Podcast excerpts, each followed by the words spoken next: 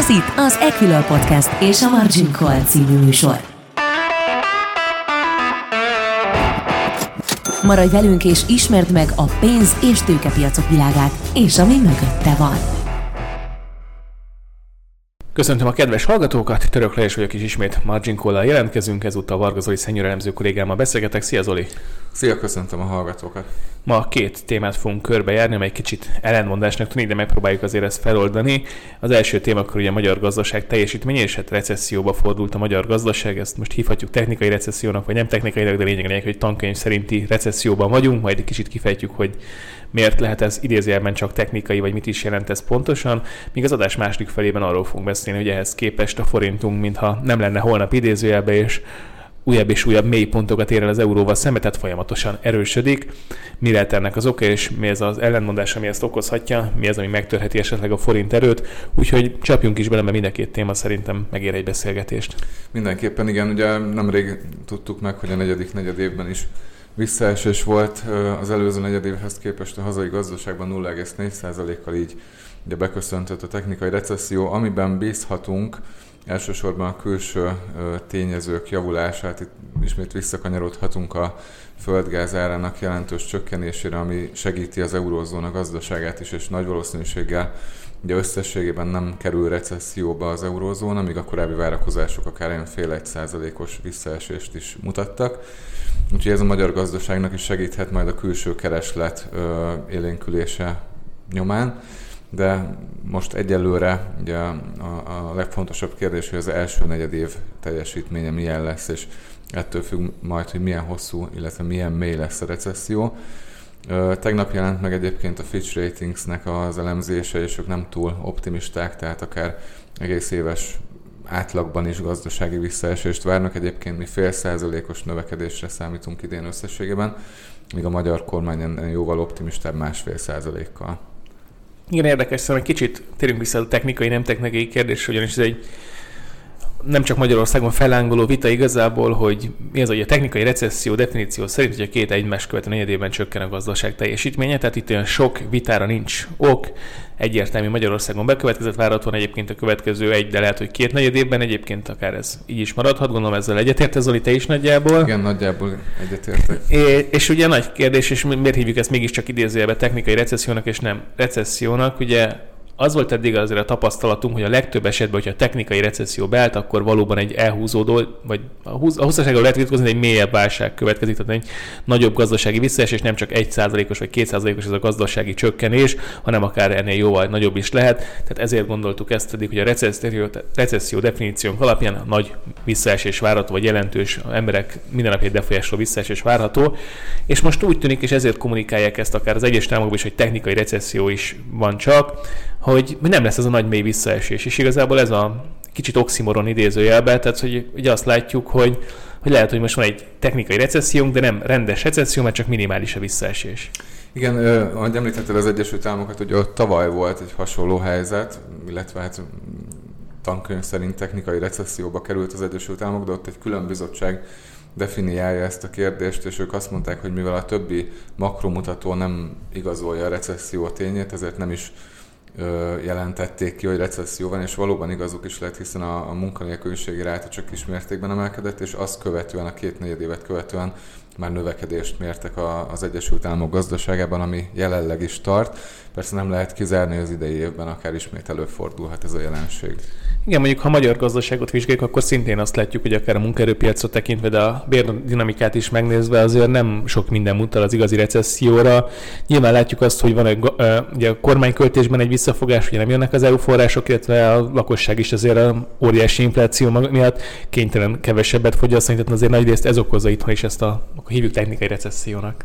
Igen, itt elsősorban a, az állami beruházások visszaesése lehet a mérvadó, és ugye hát sajnos még mindig nyitott a kérdés, március 31-én határozták meg az új határidőt a, az uniós forrásokkal kapcsolatban. Egyelőre most semmi új hírünk nincs, de sajnos elképzelhető, hogy, hogy tovább húzódik az ügy, és a felfüggesztést nem fogják feloldani az Európai Bizottság részéről. Ez esetben viszont ez erős lefelé mutató kockázatot jelenteni a növekedésben a, a hazai gazdaságban az idei évre vonatkozóan is még a forintra egyelőre ne térjünk el, de természetesen ez lesz az egyik legfontosabb drivere a forint árfolyamnak az idejében, én úgy gondolom. Mondjuk én azért fogadni mernék, hogy március 31-én nem történik meg a kifizetés, főleg teljes mértékben nem, hát elég csak az Erasmus ügyre gondolni, tehát itt azért mindenképpen vannak még kérdőjelek. De nézzük meg a többi részét is egyébként, hogy mi, mi okozza a gazdasági növekedést. Azért beszéltünk a kormányzati költéseket, ezt látjuk, hogy jó esetben is stagnálhat, nyilván az EU forrásokkal esetleg kicsit emelkedhet. A lakosság fogyasztása egyértelműen csökken, ezt látjuk volumen alapon mindenképpen. Ugye vannak a beruházások, itt is ez nagyon magas kamatok, majd ez is régen forint téma is, ez a nagyon magas kamatok miatt várhatóan csökken, és akkor marad a nettó export. Itt azért lehet egy felfutás, elég csak több gyár átadására gondolni, illetve azért, ahogy mondtad, a nemzetközi hangulat is kezd pozitíva fordulni. Igen, én is azt gondolom, hogy ez lesz a fő húzó ereje a hazai gazdaságnak. Ugye a külső kereslet esetében elsősorban ugye a német gazdasági folyamatokat érdemes figyelni hiszen az egyik, sőt hát a legfontosabb exportpartnere Magyarországnak, és ugye az energiárak csökkenése miatt a német gazdaság kilátásai is javultak, illetve nem olyan negatívak, mint korábban gondoltuk, illetve minden elemző gondolta, amikor elkezdett szárnyalni ugye a földgázára, és több német gyárat is le kellett állítani emiatt. Tehát amennyiben tartós marad a, a jelenlegi, vagy a jelenlegihez közeli földgáz világpiaci ár, ugye az 50-60 euró között mozog most, de hogyha fölmegy 80-ig, szerintem akkor sem lesz nagy probléma, úgyhogy ebben bízhatunk. Ez néhány hónapon belül kiderülhet, hiszen a tél végeztével megkezdődhet majd a tározók feltöltése, és akkor az lesz a, a vízválasztó, hogy akkor mennyire fog megemelkedni a földgázára. Egyet ugye 23-24-es tél azért még az idei évben igaz, hogy csak egy-két hónappal, de bele fog nyúlni, hát napteglak csak egy hónappal természetesen, de hogy azért össze már láthatjuk azt, hogy esetleg egy nagyon nagy hideg hullám jönne, akkor lehetnek megint még az év végére ismét problémáink. Beszéltünk a gázáról, hogy az lehet egy nagy kérdés, ugye beszéltünk arról, hogy itt az Európai Unióval való megegyezés, mi lehet még, ami akár fölfelé, de akár lefelé módosíthatja a várakozásainkat? Hát nyilván a, a kamatszint fenntartása, a jelenlegi kamatszint ö, tehát ez, azért ez is összefügg az uniós pénzekkel, majd erről beszélünk az adás második felébe, de ez egy nagyon összefüggő téma. Hát minden mindennel összefügg természetesen, de, de ugye a gazdasági növekedésre abszolút ö, fontos tényező lehet, vagy fontos befolyásoló a kamatszint. Hát a jelenlegi piaci kamatok nagyon magasnak mondhatóak, viszont ugye a kormány ö, folyamatosan támogatott hiteleket is lényegében kidolgoz, illetve ilyenekre lehet pályázni a vállalatoknak, és az MNB-nek egyébként ez volt egy megjegyzése is, illetve többször is megjegyzést tettek ezekre a programokra, hogy nem engedik a monetáris transmisszió kiteljesedését, és ezek ebből a szempontból károsak. Viszont... Igen, bocsánat, csak egy másik, hogy a másik kérdés, hogy miből, tehát hogy azért ez nyilván az államháztartási forrásokból megy. Igen, Itt az visszafogja az állami beruházásokat, ha más nem.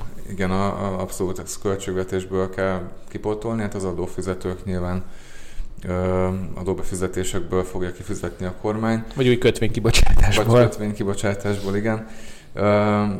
De ugye hát a kormánynak elsődleges szempont a gazdasági növekedés, és szinte mindent e tehát ez alá helyeznek, ez az elsődleges. Ugye az infláció őre pedig a jegybank, most nem egyeznek az álláspontok és a célok. Na igen, csak ez a mindenáron gazdasági növekedés nekem ez mindig egy nagyon vissza, visszás témám, hogy a GDP-t nagyon könnyű növelni, tehát foglalkoztatottságot és GDP-t nagyon könnyű növelni. A foglalkoztatottságot a legegyszerűbb az, hogy egyik csapat be, kiássa a gödröt, a másik betemeti, és ha még fizetés is adsz nekik, akkor rögtön a GDP is megugrott. Tehát egy kicsit úgy érzem, hogy ez nem biztos, hogy a legjobb mérőszám, de ez egy messzevezető vita egyébként, hogy most mivel mérjük a gazdaság teljesítményét és, és a GDP-t nagyon könnyű szírni, persze sokkal jobbat nem találtunk még szerintem. De minden esetre az, hogy a kormány mindenképpen csak GDP-t akar növelni, meg munkanélküliséget csökkenteni, azért ez nem biztos, hogy középtávon is a legkifizetődőbb. Néha sajnos vannak olyan időszak, amikor a sokkok is akár jót tudnak tenni a gazdaságnak. Abszolút, tehát egy nagyobb válságnak lehetnek természetesen. Rövid távon természetesen nagyon nagy károkat tud okozni, de hosszú távon akár javíthat is a helyzeten, hogyha abból a az a állam, illetve a gazdaság szereplői tanulnak, illetve korrigálják a korábbi hibákat. És Mondjuk abszolút... ez nem csak magyar probléma kör, azért ezt el kell mondanunk. Igen, igen, most pont egy, tehát nem, nem szeretnék párhuzamot vonni a török, illetve a magyar út között, de pont erre nagyon jó példa Törökország, amit mondtál, hogy az erőltetett növekedés, és olyan szinten elszállt az infláció Törökországban, hogy a a török lira gyengülése, hát nyilván más oka is volt, annó 2015-ben kezdődött ez a folyamat, hogy már 60-80 százalékra felszökött az infláció Törökországban, de hát Magyarország esetében nem, természetesen nem, nem ezen az úton vagyunk, csak ezt érdemes szerintem felidézni. Igen, mondjuk az inflációról már beszéltünk korábban is, most az nagy kérdés egyébként, hogy itt lehet, hogy már láttunk egy magyar tetőpontot, vagy legalábbis lokális maximumot, meglátjuk, hogy februártól csökken, mondjuk 25,7%-ról van hova. De minden esetre azért a magyar gazdaság technikai recesszió, technikai recesszió, de annyira még nincs nagy problémában. Igen, a, az inflációval kapcsolatban, amit szerintem érdemes most elmondani az aktuális helyzetet elemezve, hogy nyilván a forint erősödés az importtermékek árát leszorítja majd. Illetve tehát itt mindenképpen egy lefelé mutató nyomás mutatkozhat, és viszont ugye van egy élelmiszerás toppunk még, ami, amit majd ki kellene vezetni, az pedig ilyen másfél-kettő százalékos felfelé mutató hatást fog gyakorolni egy éven keresztül. Maradj velünk! Ez a Margin Call, az Equilor pénzügyi kibeszélő podcast műsora. Az adás első felében beszéltünk a magyar gazdaság, illetve vannak teljesítményéről, technikai recesszió, nem technikai, nem technikai recesszió, és ugye most felvetetted a második fele, vagy az első fele legvégén, hogy hát igen, a forint erő, és ugye ez segíti az inflációt, úgyhogy térjünk is erre rá a forint erőre. Tavaly azt láttuk, hogy nincs teteje a forintnak, most nincs alja? Igen, ez látható, hogy hát a tavalyi 4,30-as euró és 4,50-es dollár árfolyam után most elég nehéz lett volna akkor elképzelni, hogy 380 lesz az euró néhány hónapon belül, illetve 350-et közelíti majd a dollár árfolyama, de ez történt. Nyilván azóta nagyon sok minden lezajlott. Ugye elsőként októberben az MNB-ből, erről már nagyon sokat beszéltünk, elég brutális monetáris szigorítást hajtott végre, és ami külső tényező volt, ami jelentősen javított a helyzetünkön, az az említett, sokat emlegetett földgázár csökkenés. És most van egy óriási kamatkülönbözetünk, magyar kamatjavára természetesen, illetve van egy igen kedvező befektetői hangulat, lényegében most már az is október-november, bocsánat, november óta, és ezek között a, ebben a környezetben a forint igen drasztikusan tudott erősödni.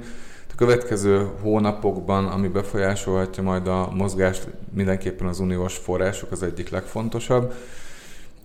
Ugye az MNB nem régiben, illetve Virág Barnabás alelnök nem régiben elmondta, hogy nagyjából ettől teszik függővé majd a kamatvágási ciklus megkezdésének időpontját. Ugye korábban az MNB felsorolt 6-7 olyan feltételt, ami aminek a teljesülése szükséges lesz majd az azításhoz. Ebből a külső tényezők már nagyjából teljesültek. Nyilván a Fed és az LKB még folytatja a kamatemelési ciklusát, sőt ugye az elmúlt hetekben erősödtek a, a kamatemelési spekulációk, és feljebb tolódott mind az európai, mind az amerikai várható kamattető. Tehát itt még nem vagyunk a folyamat végén. Viszont ugye az energiaválság az halványulni látszik szerencsére, legalábbis jelenleg úgy fest a kép Úgyhogy az uniós forrásokkal kapcsolatban, hogyha lesz, lenne pozitív előrelépés, akkor az MNB nagyon rövid időn belül megkezdi a kamatvágást, ez pedig nyilván gyengíteni fogja majd a forintot. Tehát két forgatókönyv lehetséges, illetve három. Az egyik, hogy a legoptimistább, hogy viszonylag gyorsan sikerül megegyezni az unióval, és nem is a teljes összeget, de a befagyasztott összegnek a nagy részét megkapjuk. Teszem fel a harmadik negyed évtől kezdődően, de erről a megegyezés már megszületik a második negyed évben, és akkor az MNB azt mondja, hogy most akkor innentől lehet kamatot vágni, viszont ugye ez az első az nyilván beerősíti a forintot, elképzelhető akár a 370-es euró árfolyam is, de a kamatvágás bejelentésére visszakorrigálhat a 380-390-es szint közelébe, én így látom, legalábbis ezt várnám. Nyilván a másik véglet, a, a negatív szenárió, hogyha egyáltalán nem jutunk forráshoz, és a befagyasztott összeggel kapcsolatban az Európai Bizottság további feltételeket fog támasztani, amit vagy nem sikerül időben teljesíteni, vagy olyan feltételek lesznek, amit a kormány nem szeretne teljesíteni. Ez esetben viszont önmagában ez a bejelentés okozhat egy elég drasztikus forintgyengülést, ezt követően pedig a hitelminősítők nyilvánvalóan kilátásrontással, leminősítéssel fognak reagálni következő fél egy évben, így viszont az MNB-nek nagyon nehéz dolga lenne a kamatvágás megkezdését illetően, és hosszú távon a 18%-os kamatszint szerintem nehezen finanszírozható. Igen, érdekes az EU-s források. Kezdjük akkor az első opcióval idézőjelbe, hogy megegyezünk valami hogy az EU-val viszonylag jó megállapodásban és ennek erősítenie kéne a forintot, viszont akkor megindul a kamatvágás, és rögtön visszagyengülünk, tehát itt nem nagyon látom az erősödő szenáriót év végére, és a másiknál meg ennyire se, ugye, amikor pedig akár ismét bóli kategóriába kerülhetünk év végére a hitelminősítőknél, tehát gyakorlatilag ez nagyon úgy néz ki, hogy márciusig van, akkor forint erő kijelenthetjük?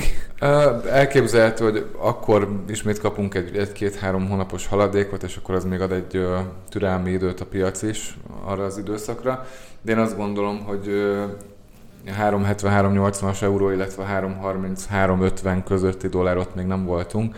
Dollár árfolyam már az a sáv, ahol érdemes lehet megkezdeni, ha valaki devizát szeretne vásárolni, akkor lépcsőzetesen a vásárlás. Jó, hát a 18%-ot kell fizetni a kerire, akkor azért az óvatosnak kell lenni nagyon, tehát itt azért nem egyszerű ez a kérdés. És hát is tehetünk erre egyébként, igen, hogyha valaki a mi loginkákat követve azt mondja, hogy előbb-utóbb gyengülni fog a forint, már pedig azért kivettem a szavaidból, hogy a évvégre nem nagyon látunk olyan szenáriót, hogy még innen is jelentősebb, erősebb lenne, akkor azt hogy tudja megjátszani. Igen, egyrészt ugye a legegyszerűbb módon, hogyha egy az egybe beváltja fizikailag, ott nyilván nem kell kamatot fizetni, és ahogy említetted, igen, befektetési számlán viszont egy olyan helyzet áll fenn jelenleg az óriás kamat különbözet miatt, hogy lényegében hát pontosan nem tudom megmondani, de olyan évi 13-14 százalékos 15 százalékos kamatot kell fizetni, még akkor is, hogyha az árfolyam... Függően, igen. igen, tehát hogyha még nem is mozdul el az árfolyam, tehát ez óriási ö, veszteséget jelent a befektetőknek, tehát így, így ö, aki nyilván fizikailag szeretne váltani, ott ez nincsen, tehát ott tudom nem is javasolni, de de akár érdemes lehet elgondolkodni hamarosan a... Sávos vételeken, igen, igen. igen. abszolút sávosan, óvatosan de, de tőkepiaci, illetve befektetési számlán ö, emiatt a kamat. Hát főleg tőkeáttétel azért nagyon nehéz lehet ez, igen, hogyha valaki határidőn szeretné megvásárolni, ezzel a kamat még mindig ellen dolgozik, hát egyébként 15%-os is lehet éves, évesített kamatba ez. Nagy kérdés, hogy, hogy mikor érdemes, ha egyáltalán érdemes, és azért ez is hozzájárul ahhoz, hogy a forint erősödni tud egyébként, mert mindenki végigszámolja ezt a matekot, és az jön ki, hogy ugye 15%-ot legyengülnie idézőjelben a forintnak, azért az még a negatív a szenerők esetén is innen kérdéses. Persze tavalyi évhez visszatekintve bármi lehetséges, tehát láttuk azt, hogy akár ez hetek alatt is meg tud fordulni, meg meg tud törni, de jó helyzetben van most a forint, azért tényleg minden ezt mutatja. Igen, abszolút leépültek a, a spekulatív pozíciók, hát pontosan a kamatkülönbözet és az árfolyam mozgás miatt is, mert a friss adatokat nem néztem, most már érdemes lenne szerintem majd megnéznünk ezeken a szinteken, hogy esetleg megkezdődtek-e a visszaépítések, de nem tartom valószínűnek, ugye, ami ezek a, a spekulatív pozíciók tudják nagyon elmozdítani az árfolyamot sokszor. Igen, azért arról beszéljünk egyébként, hogy miért is drága ez a 18%-os kamat. Tehát van egy gazdasági része, arról az első felében az adásnak valamennyire beszéltünk, tehát nem nagyon tudnak hitelre beruházni a vállalatok, vagy akár a lakosság, ez az egyik fele, ez nyilván egyértelmű ilyen szempontból. A másik pedig, hogy az MNB-nek ki kell fizetnie fizikailag ezt a kamatot, amit behelyeznek nála tőkére, és ez, ez akár, jól tudom, heti 20 milliárd forint nagyságrendileg? Igen, körülbelül ekkora összegről van szó, és a végén ugye a költségvetésnek kell majd állni a jegybanki veszteségeket, tehát úgy is lehet fogalmazni, hogy mi fizetjük meg ennek a költségét, nyilván az adófizetőkre gondolok. Ö, tehát ez, kivéve, ez... Bocsánat, kivéve, hogyha az aranynyereség akkor lesz. Még az arany most jól néz ki, tehát tényleg ott nézünk, hogy a magyar költségvetésnél fontos az, hogy az aranyár folyama éppen hol van, ez a paradox helyzet előállt. Igen, Ugye ott volt egy érdekes könyvelés technikai módosítás egy banknál, ha jól tudom, hogy ugye a nyitott aranypozíció lehet így fogalmazni, hogy az aranytartalékot fél évente el fogják számolni a piaci ár alapján, és ezzel próbálják a veszteséget csökkenteni, de... Ne, de, de mi vagy, hogy gyengül az arany? Tehát, hogy az nem csak fölfelé megy, azért ezt láttuk. Nem tehát... beszélve a forint erősödés most ugye... A... MNB ellen dolgozik, igen. igen tehát nagy kérdés, hogy tegyük fel, ha idén veszteséges lesz az MNB, és nem még pár milliárd forintról, hanem egy nagyobb összegről van szó, akkor majd a költségvetés tényleg befizet, vagy ez hogy fog kinézni? Igen, igen, ez kötelező. Tehát Na, az igaz, hogy kötelező. Magyarországon sok minden kötelező, meg láttuk ezt, de hát közben ott vannak a jegybanki alapítványok és hasonlók, tehát azért a nagy kérdés, hogy illetve azt láttuk, hogy az eddigi nyereséget se fizették be a költségvetésnek 100%-ig. Az utóbbi években egyébként ez változott, de korábban, amikor jól ment a szekér, akkor nem annyira. Itt azért én látok még egy ilyen surlódási pontot mondjuk Matolcsi György és Varga Mihály, vagy Matolcsi György és Nagy, eh, nagy bocsánat, Nagymárton között? Előfordulhat, hogy, hogy lesz súrlódás ebből, illetve ennek okán, de, de ugye a törvény előírja, tehát nem valószínű, hogy veszteségben hagyják a jegybankot. És még van egy másik aspektusa is a dolognak, bár nyilván az állampapírpiaci hozamok nem mozognak szorosan együtt a kamatokkal, de, de hát ugye az államnak a adósság refinanszírozási költségeit ugye az állampapírpiaci hozamok határozzák meg, és azok is magasabbak nyilván, mint a lengyel vagy a cseh igen, mondjuk itt, itt, is volt az egy konszolidáció, tehát azért az idei évben jelentősen csökkent már ez a hozamszint, de tényleg azért ez a nagyon magas kamat nyilván egy aljat ad neki, tehát a bizonyos szintre nem tud csökkenni, és most is azért 7-8 százalék között van a különböző lejáratokon. Nyilván a rövideken még jóval magasabb az alapkamat magassága miatt, illetve a bet, egynapos betéti tender magassága miatt, de hosszú lejáratok is azért még relatíve magasan vannak.